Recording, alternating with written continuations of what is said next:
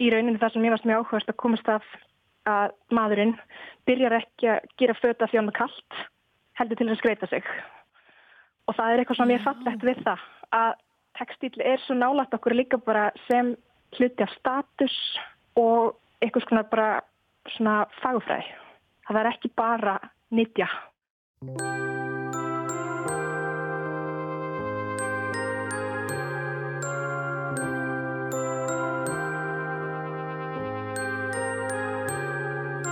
Þetta var Sigriður Sunna Reynistóttir. Við heyrum meira frá henni síðar í þætti dagsins. Þú ert að hlusta á glans.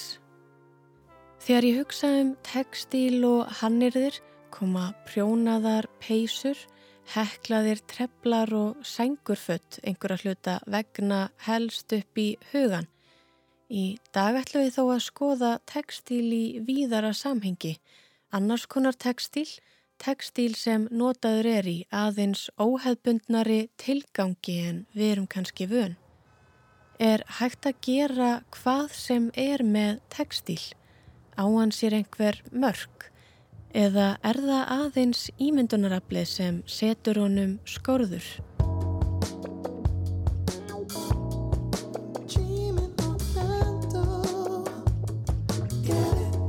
Já, Ég heiti Sigriður Sunna Reynsdóttir, Kvöldur Siggarssona og uh, ég hanna fyrir leikhús aðalega. Hanna leikmyndir, búninga og leikbrúður.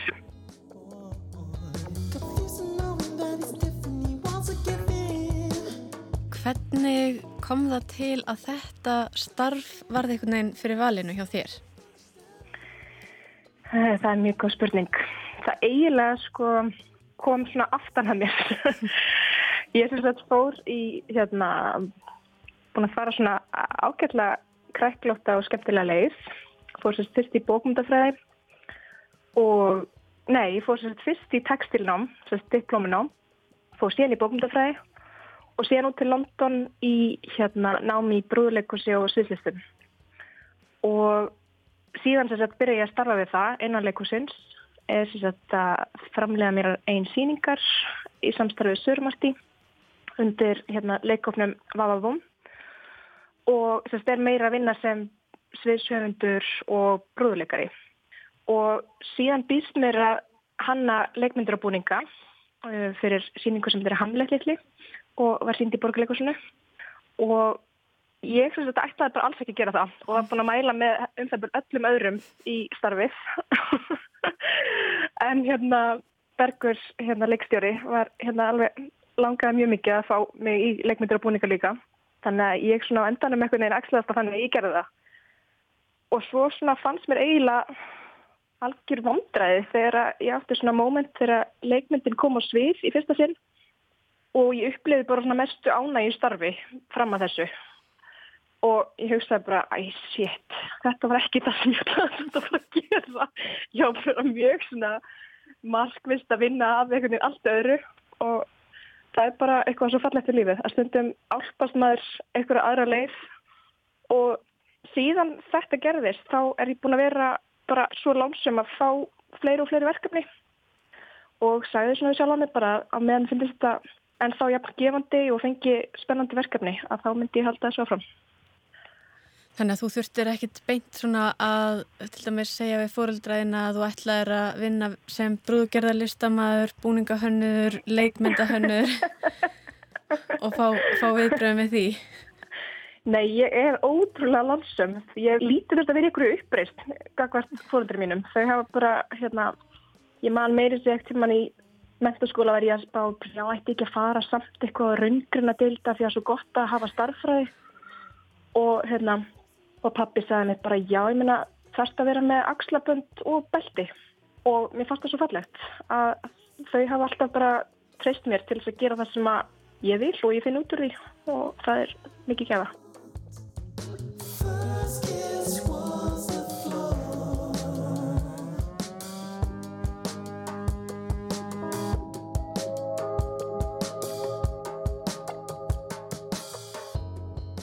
gefa. Ef maður ætlar að vinna í þessum bransa, hvað læri maður? Hvað læri þér þú? Sko, það er auðvitað hægt að fara erlendis í leikmynda og búningahönnun sem að ég svona kannski hefði gert ef ég hefði ekki álpast í það. En ég segi samt fyrir mína parta þessi svona fjölbreytti bakgrunn sem ég hef, hefur nýst með mjög vel mm -hmm. og á eitthvað svona óvæntan hátt er ég oft mjög þakklátt fyrir að vera bókmyndafræðingur af því að hlutverk leikmynd og búningahöndar er mjög ofta í rauninni að einhverju leiti sambarlegt við starf bókmyndafræðings að þú ert að rýna í texta skoða hvaða myndkverfingar geta verið þar sem hægt er að vinna með. Þannig ég bý mjög vel að þeim bakgrunni og svo sem sagt lærði ég textilmænt út í Danmarku sem hefur nýst sem mjög vel líka og svo þetta sviðslista námið út í London. Þannig ég er mjög svona samsettan bakgrunn sem að púslast ágætlega saman.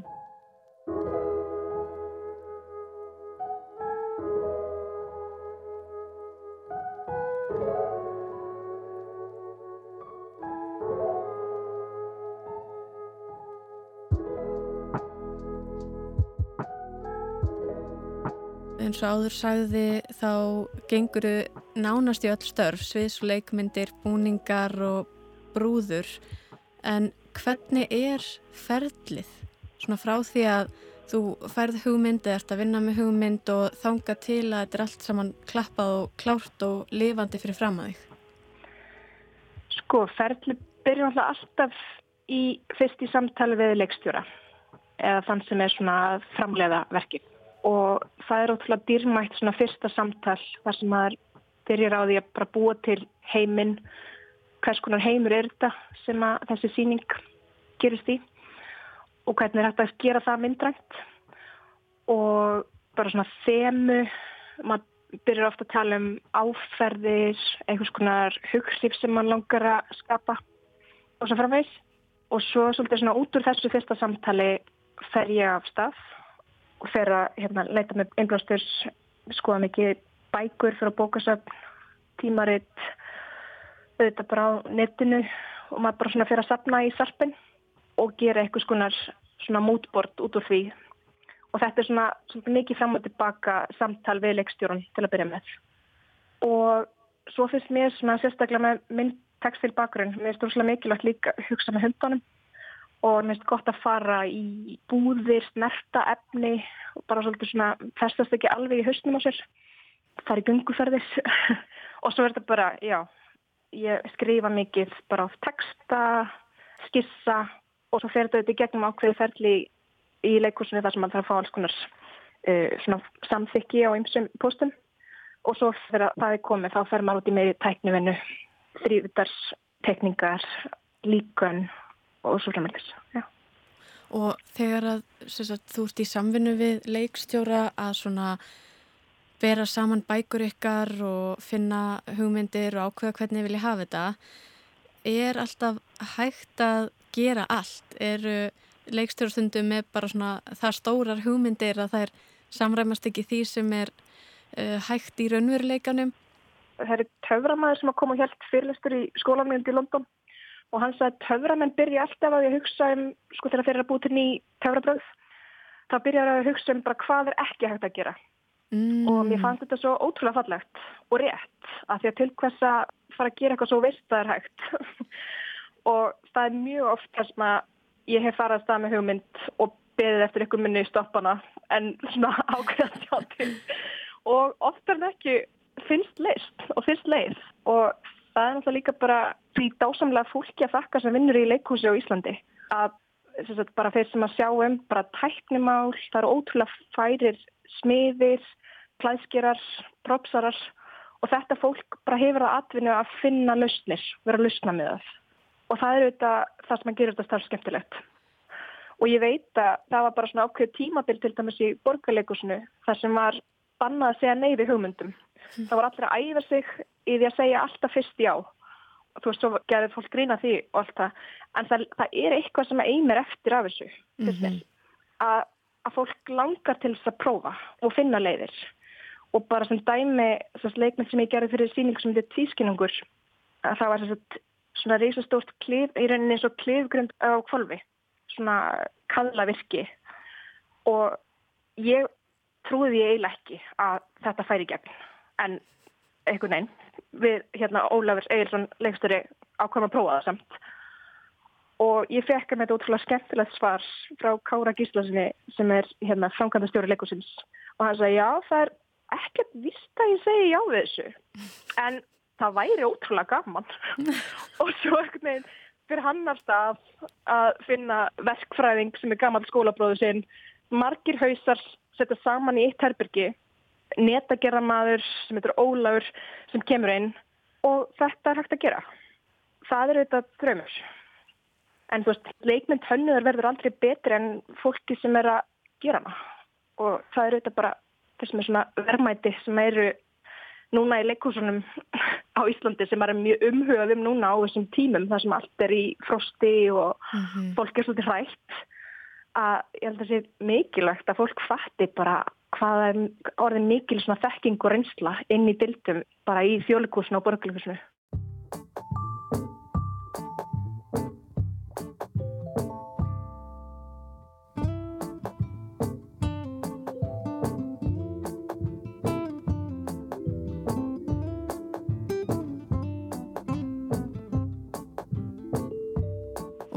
Þú talaður um að svona í upphafs samtalinu þá eru þau kannski að hugsa hvernig stemmingu og andrumsloft er að reyna að koma á framfæri mm -hmm. og tala um áferð Já. og þess það með efni, með leikmyndahönnun, með búningum hvernig nær maður að skapa svona eitthvað ákveð andrumsloft hvað er það sem að skipti máli? Sko mér var til dæmis þegar ég var að vinna 1984 með Bergi uh, í borgarleikosinu að ég var ótrúlega glöð þegar ég heyrði frá áhöranda sem að lappaði inn í salin á þeirri síningu að hann upplið strax eitthvað svona óta bara við að mm. standa anspænist þeirri leikmynd og það er ofta eitthvað sem maður getur unni með svo leikmynd var mjög svona stór og svona dominarandi í rífinu kvöld og það er auðvitað þú veist það verk snýst mjög mikið um að fólk er í óta ástandi og sama tíma sérst, ég var mikið að vinna þar með stiga sem að lágu svona á óröggréttan hátt upp og niður mm. uh, sem að svona endur speiklaði að þetta var kerfi sem þú gast ekki þú gast aldrei unnið og það var í rauninni ekkert lókist í kerfinu þannig að það er svona eitt dæmi um hvernig það getur kannski fangað eitthvað sem mér fannst svolítið svona kjarni í þeim heimi sem við vildum skapa. Og sama hátt við unnum með svona efni sem er kallað gós á ennsku sem er líka kallað sjarktúð, svona grísja sem er þannig að ef þú lýsir framan ána þá verðist hún vera gegnhæll vekkur og ef þú lýsir á bakveðana þá er hún gegnsæ. Og þetta er eitthvað sem okkur fannst mikilvægt til þess að sína þú veist að þess í þessum heimi þar sem að stóri bróður getur alltaf fylst með þér að þú sést rey hultur á bakveðina veggi wow. þannig að þetta er svona annað dæmi um hvernig maður reynir að fanga eitthvað svona þemu, eitthvað svona sem er yfirvofandi í þeim heimi sem er að skapa í gegnum efni, form og flera. Björn Bergstedt, Ljósahönnur komur úrslega snemma að í mm. okkar ferli þannig að þú veist það var náttúrulega leikilatrið hvernig þessi leikmyndir er líst og þetta sérktúð efni yrði yfir allir í leikmyndinni sem að þýtti að sumstaðar var sagt, vekkur á bakvið efnið og sumstaðar ekki. Veist, þetta er svona það sem ég elska er að það eru allir að tala saman það eru allir í öllum deildum að reyna að miðla sögun í gegnum sitt svið. Mm -hmm. og eins með sagt, hérna, sá sem að með hljóðmyndina í, í því verki Garðar að hann var strax að skoða hvað hann geti komið fyrir hátölur um allstæðar í leikmyndinni þannig að hún geti bara nötrað, hún var svolítið eins og hljóðskultur líka. Og þetta er það sem, að, þetta er það sem ég sækist í, í að vinna í leikursi, það er þetta samtal. Svo sé þetta núna síðasta verkefni sem ég var að gera heitir Hominal uh, sem er útlægst sem Mandís á íslensku. Og það er síning sem að Aude Buisson, fransk sviðslistakona, uh, var að framleiða og gera. Og við svona erum báðar eigum að sammeilegt að vera svona textilterrar og það er alltaf gaman, þetta er í annars skipti sem við viljum saman og hún svona veginn tekur alltaf tíma í svolítið að rannsaka efnið sem við ætlum að nota og taka það snemma inn. Og þetta sérst er dansverk sem er líka gagvert þannig að börn fá að taka þátt í því. Og við fórum sérst að skoða vefnað sem kóreografíu. Þannig að í lókverksins þá í rauninni í gegnum svona svolítið stýrða kóreografíu eða svona reyfumunstur að þá eru börnin og hún að vefa saman stort tjald sem þau fara saman inn í. Þetta var ótrúlega spennandi svona verkefni þar sem að textilin og aðferð textilsins fengi að vera svona, fengi mjög stort pláss og fóru svona kallast á við þess að það er hljómynd í verkinu þar sem að það er flétta saman upptökum af samtölum barna um tilgang mannsins á jörðinni. Það er svona hlutverk hans og við fórum svona að tala um að, að þessi vefnaður er bæði á sviðinu í leikmyndinni og í hljóðmyndinni. Þannig að við tókum svolítið svona konseptið vefnað sem bara svona mjög stort þema sem að tengti allt saman. Og þar voru við svolítið að skoða líka sagt, hvernig maðurinn hefur verið að, veist, að eina af stærstu byltingunum í mannkynsögunni var þegar að maðurinn fór að geta fatt að gert nú að sterkan þráð til þess að nýta sér efni og hýpili. Þetta er kallað The String Revolution. Og hérna bara á sama hátt og það fyrir hann fattaði að nota verkfæri og hérna þessar svona stóru uppgötunar að þetta er eitt af þessum stóru mómentum. Og við vorum svolítið að skoða þetta og í rauninni það líka bara hvernig hann er svona búin að vera að lesa í náttúruna, þú veist, nota justir til að lita og í rauninni það sem ég varst mjög áhugast að komast af að hann byrjar ekki að, þessast maðurinn, byrjar ekki að gera föta því hann er kallt, heldur til að skreita sig. Og það er eitthvað sem ég fallegt við það, að textil er svo nálagt okkur líka bara sem hluti af status og eitthvað svona bara svona fagfræð. Það er ekki bara nýtja, þó það hafi verið mjög gaglegt til að nýta sér sér típili. Þetta fannst okkur mjög áhugast.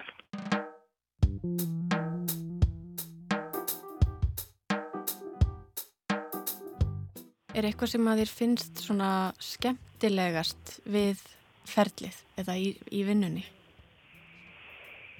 Það er einhvern veginn bara svona hver þáttur í ferlinu sem hefur sinn sjarma. En það er auðvitað, það er ótrúlega skemmtilegu staður að vera á þetta svona fyrsta, e, þegar maður er að grúska, taka sér fyrstu samtöl og bara svona, og allt er mögulegt. Það er auðvitað mjög svona spennandi staður að vera á.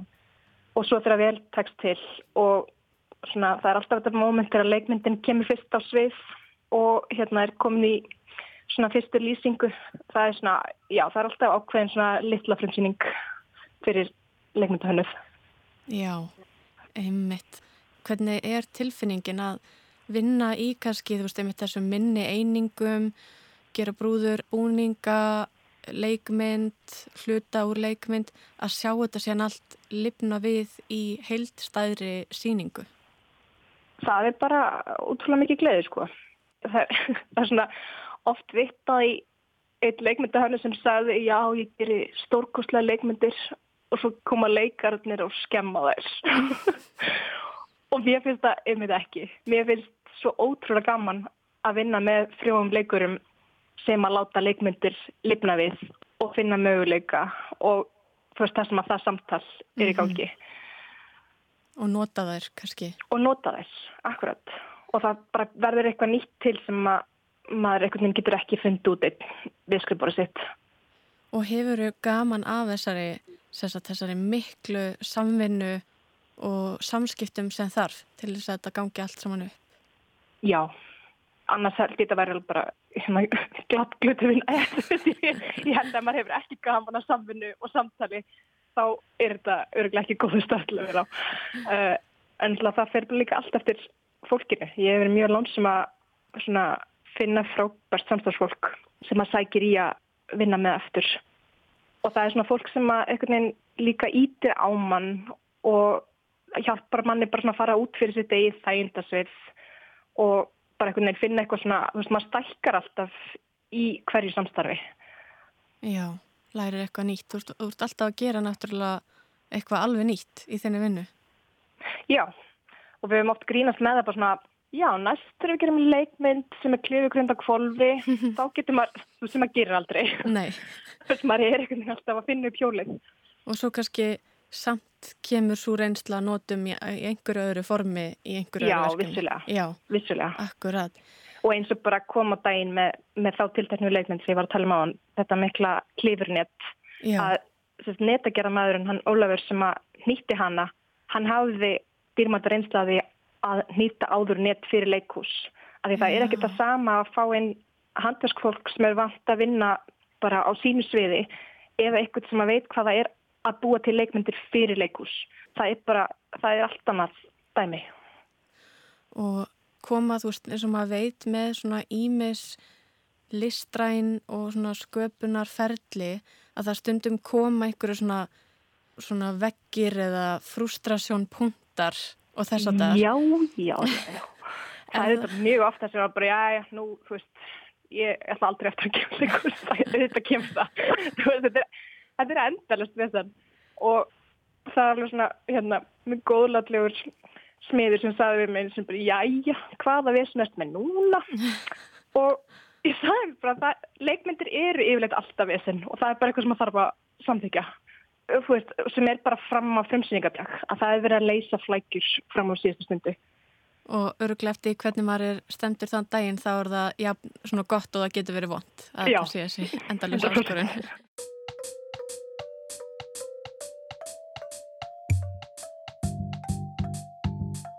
Hver er munurinn á brúðugerðinni, búningunum og svo leikmyndunum svona upp á ferlið og upplifunina? Er eitthvað í Mm. upphaldi af þessu hjá þér? Nei, það fer svolítið eftir bara verkefnum, kannski frekar.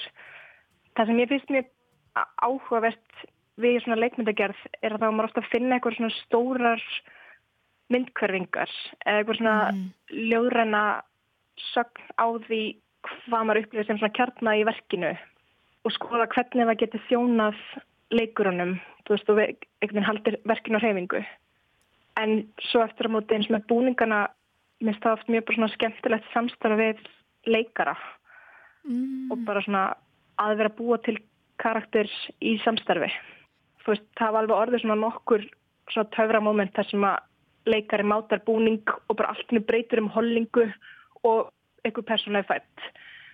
Það er ótrúlega gaman og líka bara, veist, þetta að þurfa að þurfa að vera svolítið viðbúin jafnvel þegar það er tvær vikur vika í frumsýningu að maður aukvölda bara að þetta er ekki rétt lögn á okkur personu og það þarf að breyta búning. Þannig að þú hannar oftast búninga í samstarfi við leikaranna og leikstjóran og Já, þetta er allt samtal. Þú veist, maður er auðvitað alltaf að koma tilbóð en það er auðvitað engum greiði gerði með því að leikari sé í búning sem honum finnst ekki þjóna sér. og þú ert væntalega að taka tillit til þá útlit, personinnar, sögunar, sögusviðsins en líka til þæginda og að leikarinn geti hreift sér í búningunum og hann andi og þess að þar. Já, en svo eru leikar líka alveg öllu annir, sko. Ég hef heyrt leikonu segja að þessi búningur sem hún var í hafi verið óþægilegasti búningur hérna ferilsins en hún vildi hann samt að því hann hjálpaði henni. Og, veist, og varð ótrúlega krúsjál element í því hvernig sá karakter vann. Já, og ég dáist bara oft að þeirri vinnu leikara. Þegar maður sér bara ok, þetta er að hjálpa, þetta er að gefa eitthvað. Og þetta er að gefa okkur eitthvað. Svona hvernig maður fær vísbendingar. Já, og eru leikarar oft með mjög svona skýrar hugmyndir um hvað þau vilja, hvað þau þurfa og hverju þau eru að leitast eftir. það er mjög misjöft sumir leikarar vinna mjög sjálfrænt. Það sem að finnst að vera kannski meira samtal og aðrir er veginn sem að finnst betra að fá tilbúð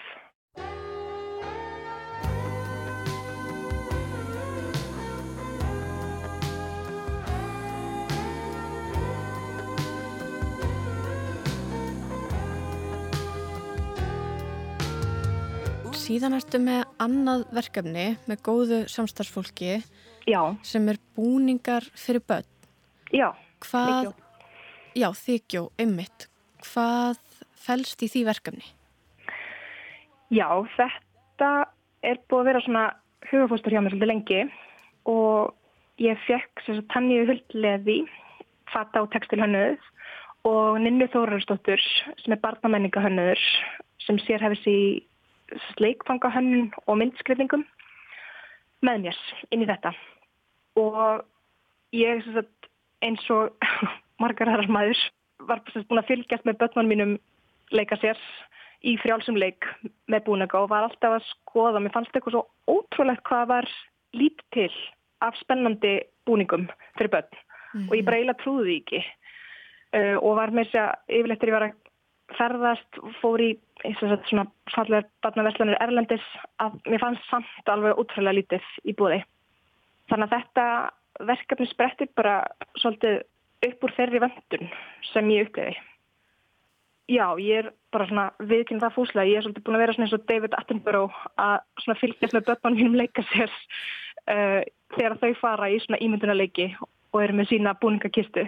Og er svona búin að sjá hvað virkar fyrir þau, hvað virkar ekki og svo fóru við sérst að staði þetta verkefni og fengum rannsóknar og þrónastyrk frá hennamistöð og þetta er bara ótrúlega spennandi samstarf sem ég held að litist svona mörguleiti af því hvernig ég hef unnið í leikhúsi inn í svona meira á hennuna vettfangi.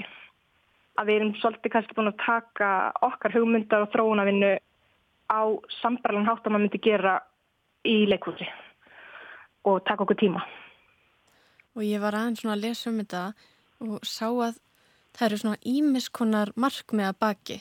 Og... Já, ég var mjög verfið að þeir búningar sem voru á markaði fyrir börn voru yfirlega eitthvað svona heilgalar úr alveg ódýrustu og vestu efnunum og óumhverfisvænustu efnunum mm -hmm. sem einhvern veginn völir á sem ég fannst fyrir fyrsta bara ótrúlega mikið vannverðing við börn sem eru svo mikla skinverur þau upplifa svo mikið með snertiskinni þeim er spennandi að koma við ólík efni og þau eru viðkvæm fyrir efnum líka og klæjar oft undan gerðefnum þannig að það var svona eitt af því fyrsta við fórum að skoða efni sem væru náttúruleg, væri með góða hreyðvitt og öndu og, mm og svo var þetta að mér fannst eitthvað svo skakt við það að búningar væri séð sem eitthvað sem er keift bara fyrir eitt tækifæri fyrir Halloween eða fyrir öskudag og börn maksa strax upp úr og er yfirlegt bara vera svo lélegir þennig sem bara hendir úr slið eða kannski einhver annar færð á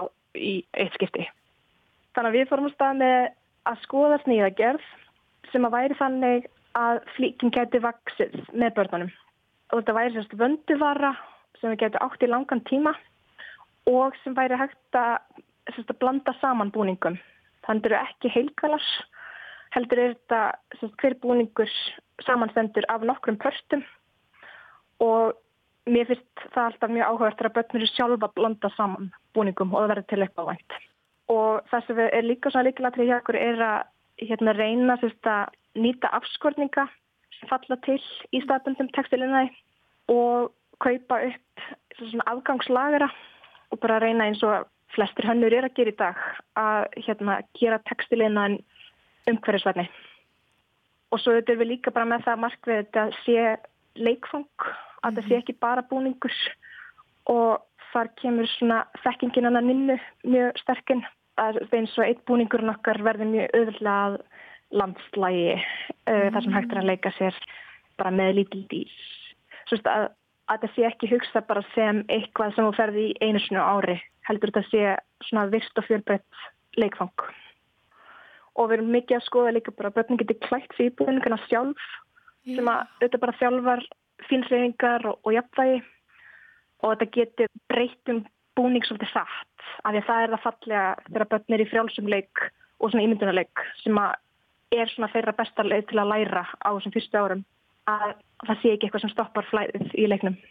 Og maður getur einmitt ímynda sér svona ef hann stækka með barninu þá kannski þú veist þegar vinir kom í heimsón eða frændsískin og kannski á maður sískinni á, á aðeins svona misjónum aldrei og kannski geta allir nota, allir verið með. Já, það er nefnilega góða punktur. Ég sá líka að þið voru að passa upp á kynja glerögu í eitthvað starfi. Já, við varum átta mjög freyttur á því að fyrir að fyrsta svona þeir búningar sem eru til er yfirleitt eitthvað sem er svona mjög svona branded eins og tala um. Þú veist, þetta er eitthvað sem tengist einhverju ákveðinu vöru eða personður ekki mjög opið mm. oft. Þannig að það var svona fyrsta sögskoðum og svo þetta, það er oft svona stelpubúningurinn og strákabúningurinn. Og mér finnst strákar oft svo hlunfærðis. Þeir eru svo mikil páfuglar og þeim finnst gaman að vera í lítríkum fötum og eitthvað sem er lítrandi. Og...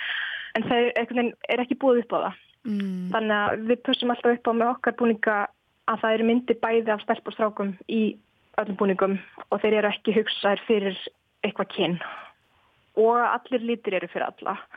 Að, veist, í einum og sama búningnum er bleikur og blár og gulur og, og fleiri litur að það er ekki þetta hérna bleika hillan og bláa hillan.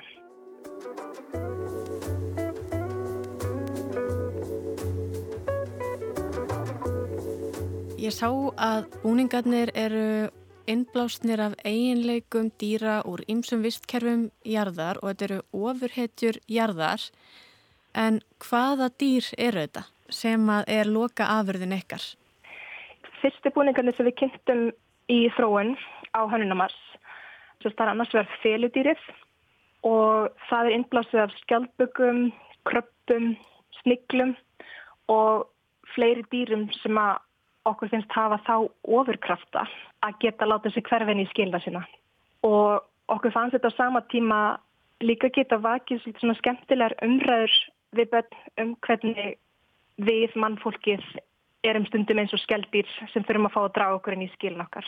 Já. og það sé ekki neikvægt og líka bara svona myndir sem komu upp um það sem eru nægisamnir og hafa bara húsið sitt á bakinu.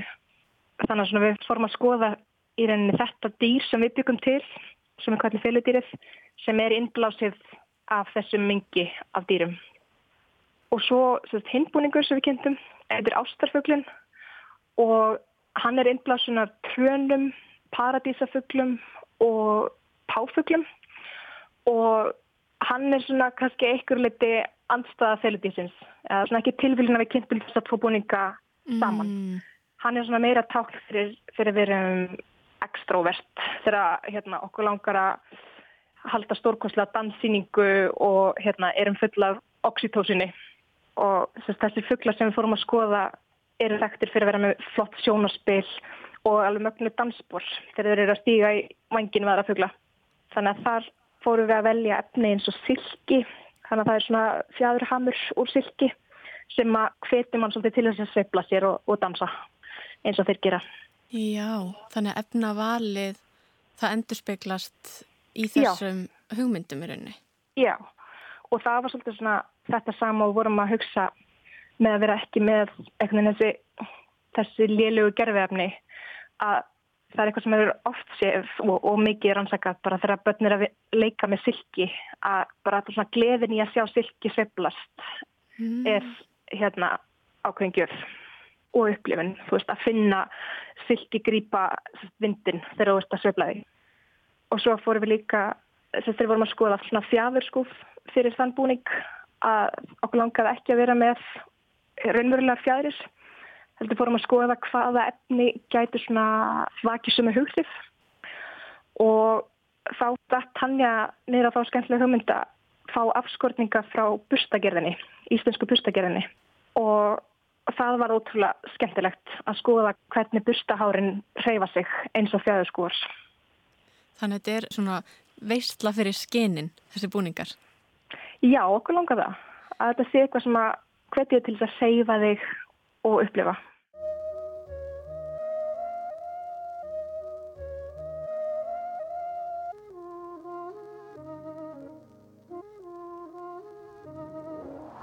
Þá ætlum við að heyra í henni Lilli Erlu Adamsdóttur, sjálfstætt starfandi myndlistamanni og deildarstjóra textildeildar myndlistaskólans í Reykjavík.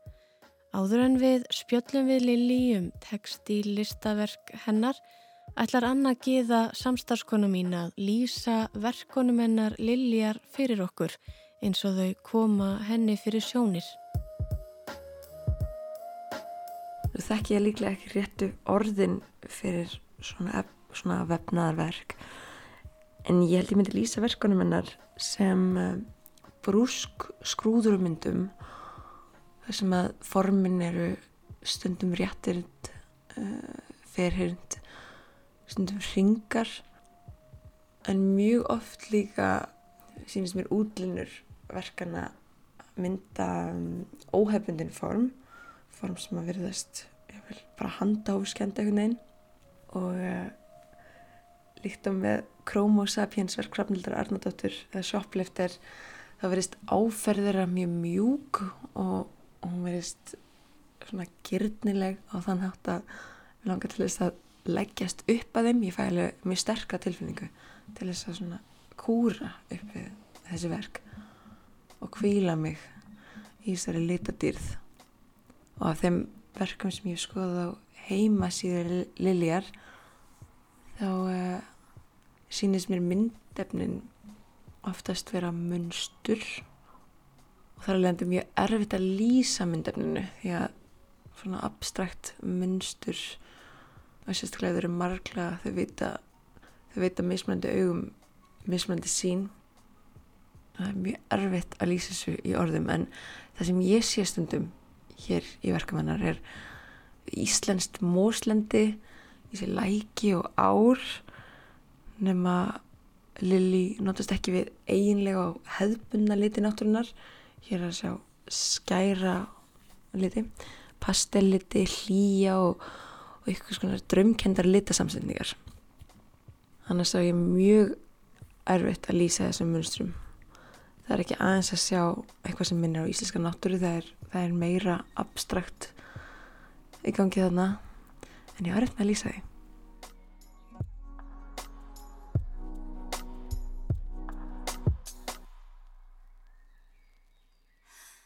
Og þá heyrum við frá Lilli um hvernig hún fer að því að búa til þessi verk.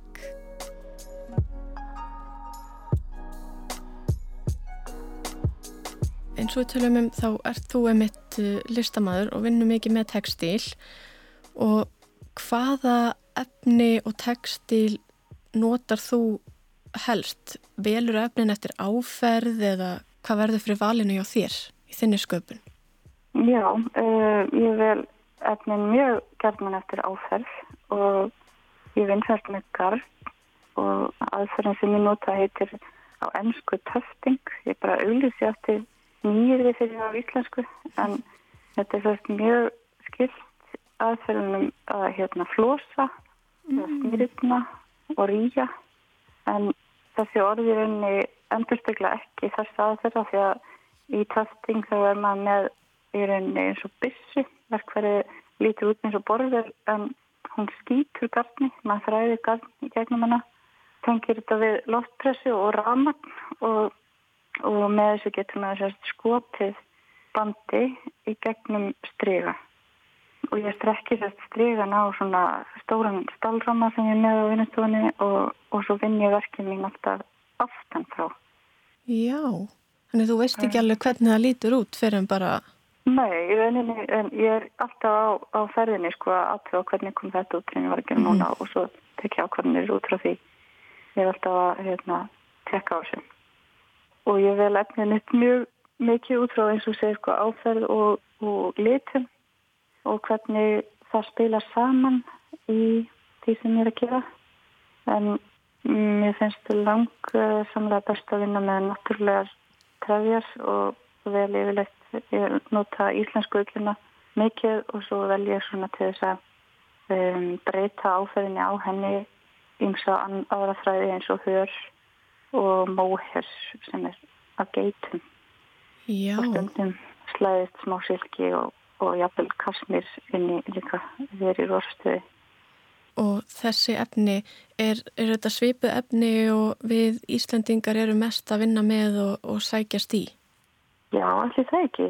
Móhæri er alltaf mjög vinsælt núna. Það er svo ótrúlega loðið og mjúkt og hérna áferðin veðusmyndin er eins og alltaf döl e, þegar maður nota það í, í það sem ég er að gera kemur svona eins og þókuslæðingur yfir yfir myndflættin með þessu efni og mér fallir það mjög vel og það einhvern veginn er mjög fallegt í samspili við önnur efni líka þannig að þetta eru já, eflust efni sem að margir velja og margir velja saman eins og í prjónarskap, móher og, og ull Og er erfiðar eða auðveldar að vinna með söm þessara efna? Nei, í raunin ekki þannig. Það er bara kannski erfiðar að nálgast því að ég þarf alltaf mikið af því að hérna, ég kaupi þetta í raunin ekki í svona dokkum eins og maður getur fengið garnið út í búð fyrir handtrjón heldur pantaði þetta á kónum svona eins og keilur þannig að það renni vel e, í gegnum byssuna og í, í gegnum strífum þannig að það er kannski bara erfiða að nálgast það utan.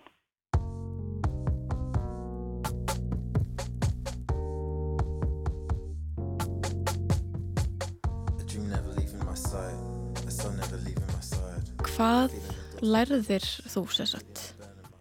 Uh, já, ég lærði þess að myndlist í listaháskólanum, tók grunna með þar og svo tók ég diplómanám í myndlistarskólanum sem ég stýri í dag í textil og svo fór ég í masternám í textilháskólanum í Svíðhjóð í Bormors. Hvað læri maður til dæmis í svona textilháskóla?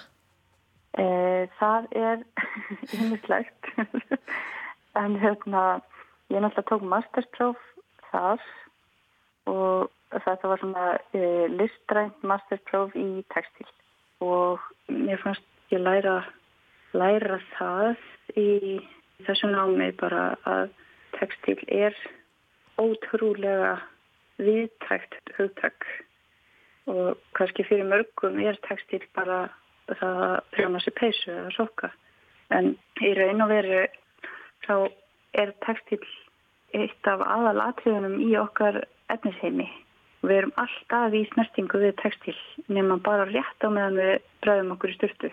Textil er ótrúlega stór hluti af okkar lífi og aðferðirnar innan fagsins eru líka alveg ótrúlega margvíslega náttúrulega og hafa sína sér eiginleika. En að því vorst að spyrja um skólan, ég mann hvað ég var ótrúlega hrifin að því að það var sérstaklega við að þróa verkefni sérstaklega textil fyrir heilbreyðisvísindi og meðal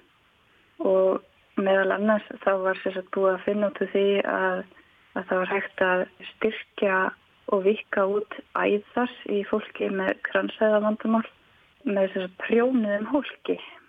Já.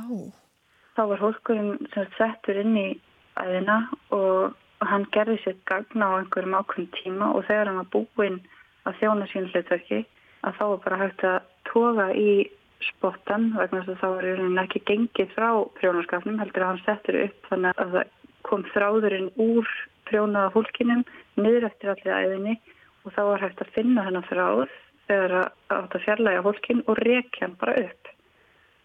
Og þetta er náttúrulega svo fullkomin nýting á því sem prjón er í rauninni sko í eðli sínu.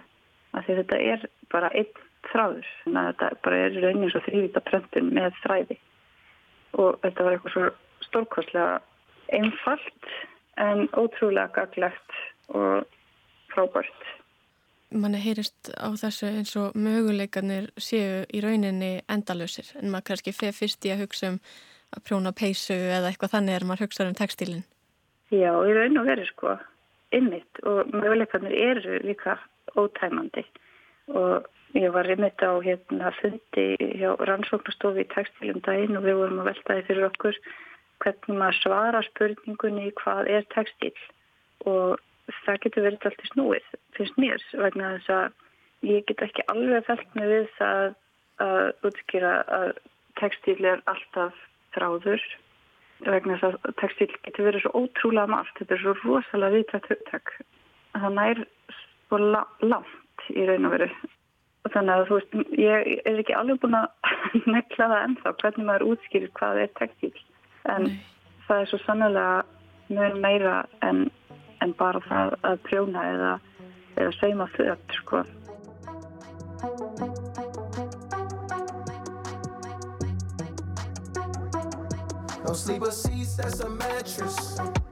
Finnst þér textil og hann er þið njóta þeirrar virðingar uh, sem þau hefur skilið í samfélagin í dag? Uh, nei, mér finnst það ekki. En mér sé svona breytingu til batnaðar. Sko, og þá er ég bara að tala um svona almennt. Það eru margir sem að byrja fulla virðingu fyrir textil og handverki og, og allt það. En, en mér finnst svona já, ég myndi ekki að vilja að væri svona þekkingaveikning í þá veruna hvað þetta raunverulega er og hvað þetta þýðir og hvað þýðingu þetta hefur fyrir okkur. En hérna eins og ég segi sko þá er það ekki alveg hérna, svart þannig. Mér finnst ég skinja breytingu á þessu og mér finnst ég sjá aukna verðingu fyrir þessu. Og stundum hef ég huglegt að hvort það gæti verið vegna mjög túbildingarnar á einhvern hátt. Mm. þetta tengis náttúrulega eh, mjög mikið inn á svona hvenna hvenna eðin mm -hmm. gegnum tíðina hafa þetta mikið verið konur sem eru að vinna þetta. Og já, veit ekki alveg hvort það sé eitthvað vitið því.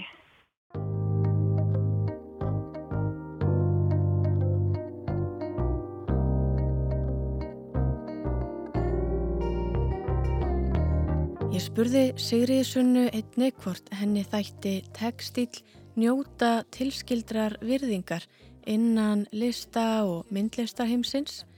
Það er að segja hvort borin væri virðing fyrir tekstíl sem list eins og öðrum listformum virðingar. Mér finnst oft vanta, já, mm. að fá það. Absolut. Okay. Alveg bara í gegnum áratvíðina og aldeirnar, sko. Hvað svona, hvað heldur að valdi er hægt að vera með einhvers konar svona kenningar um það? Ég veit það ekki.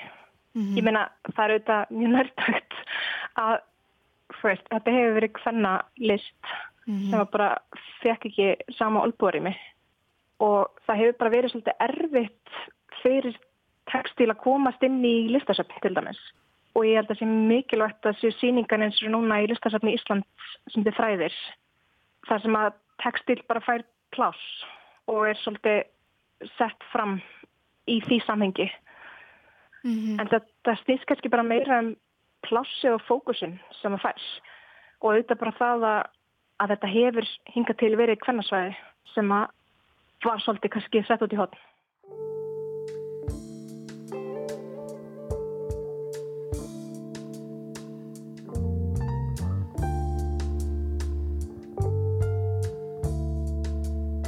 Það verðist vera djúpmerking á bakvið í rauninni öll þessi verkefni, hvort sem það er búningar, leikmynd, brúður, er einhver ákveðin svona hugssjón eða gildi sem að þú hefur að leiðaljósi í þinni vinnu?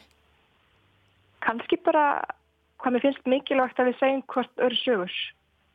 Hvað það er okkur mikilvægt og við byrjum virðingu fyrir því. Og hvað við getum sagt sögur í gegnum marga ólika miðla eins og í leikusinu. Að maður er að segja sögu í gegnum búning, leikmynd, hljóðmynd og þetta að fá að spekla sig í sögum.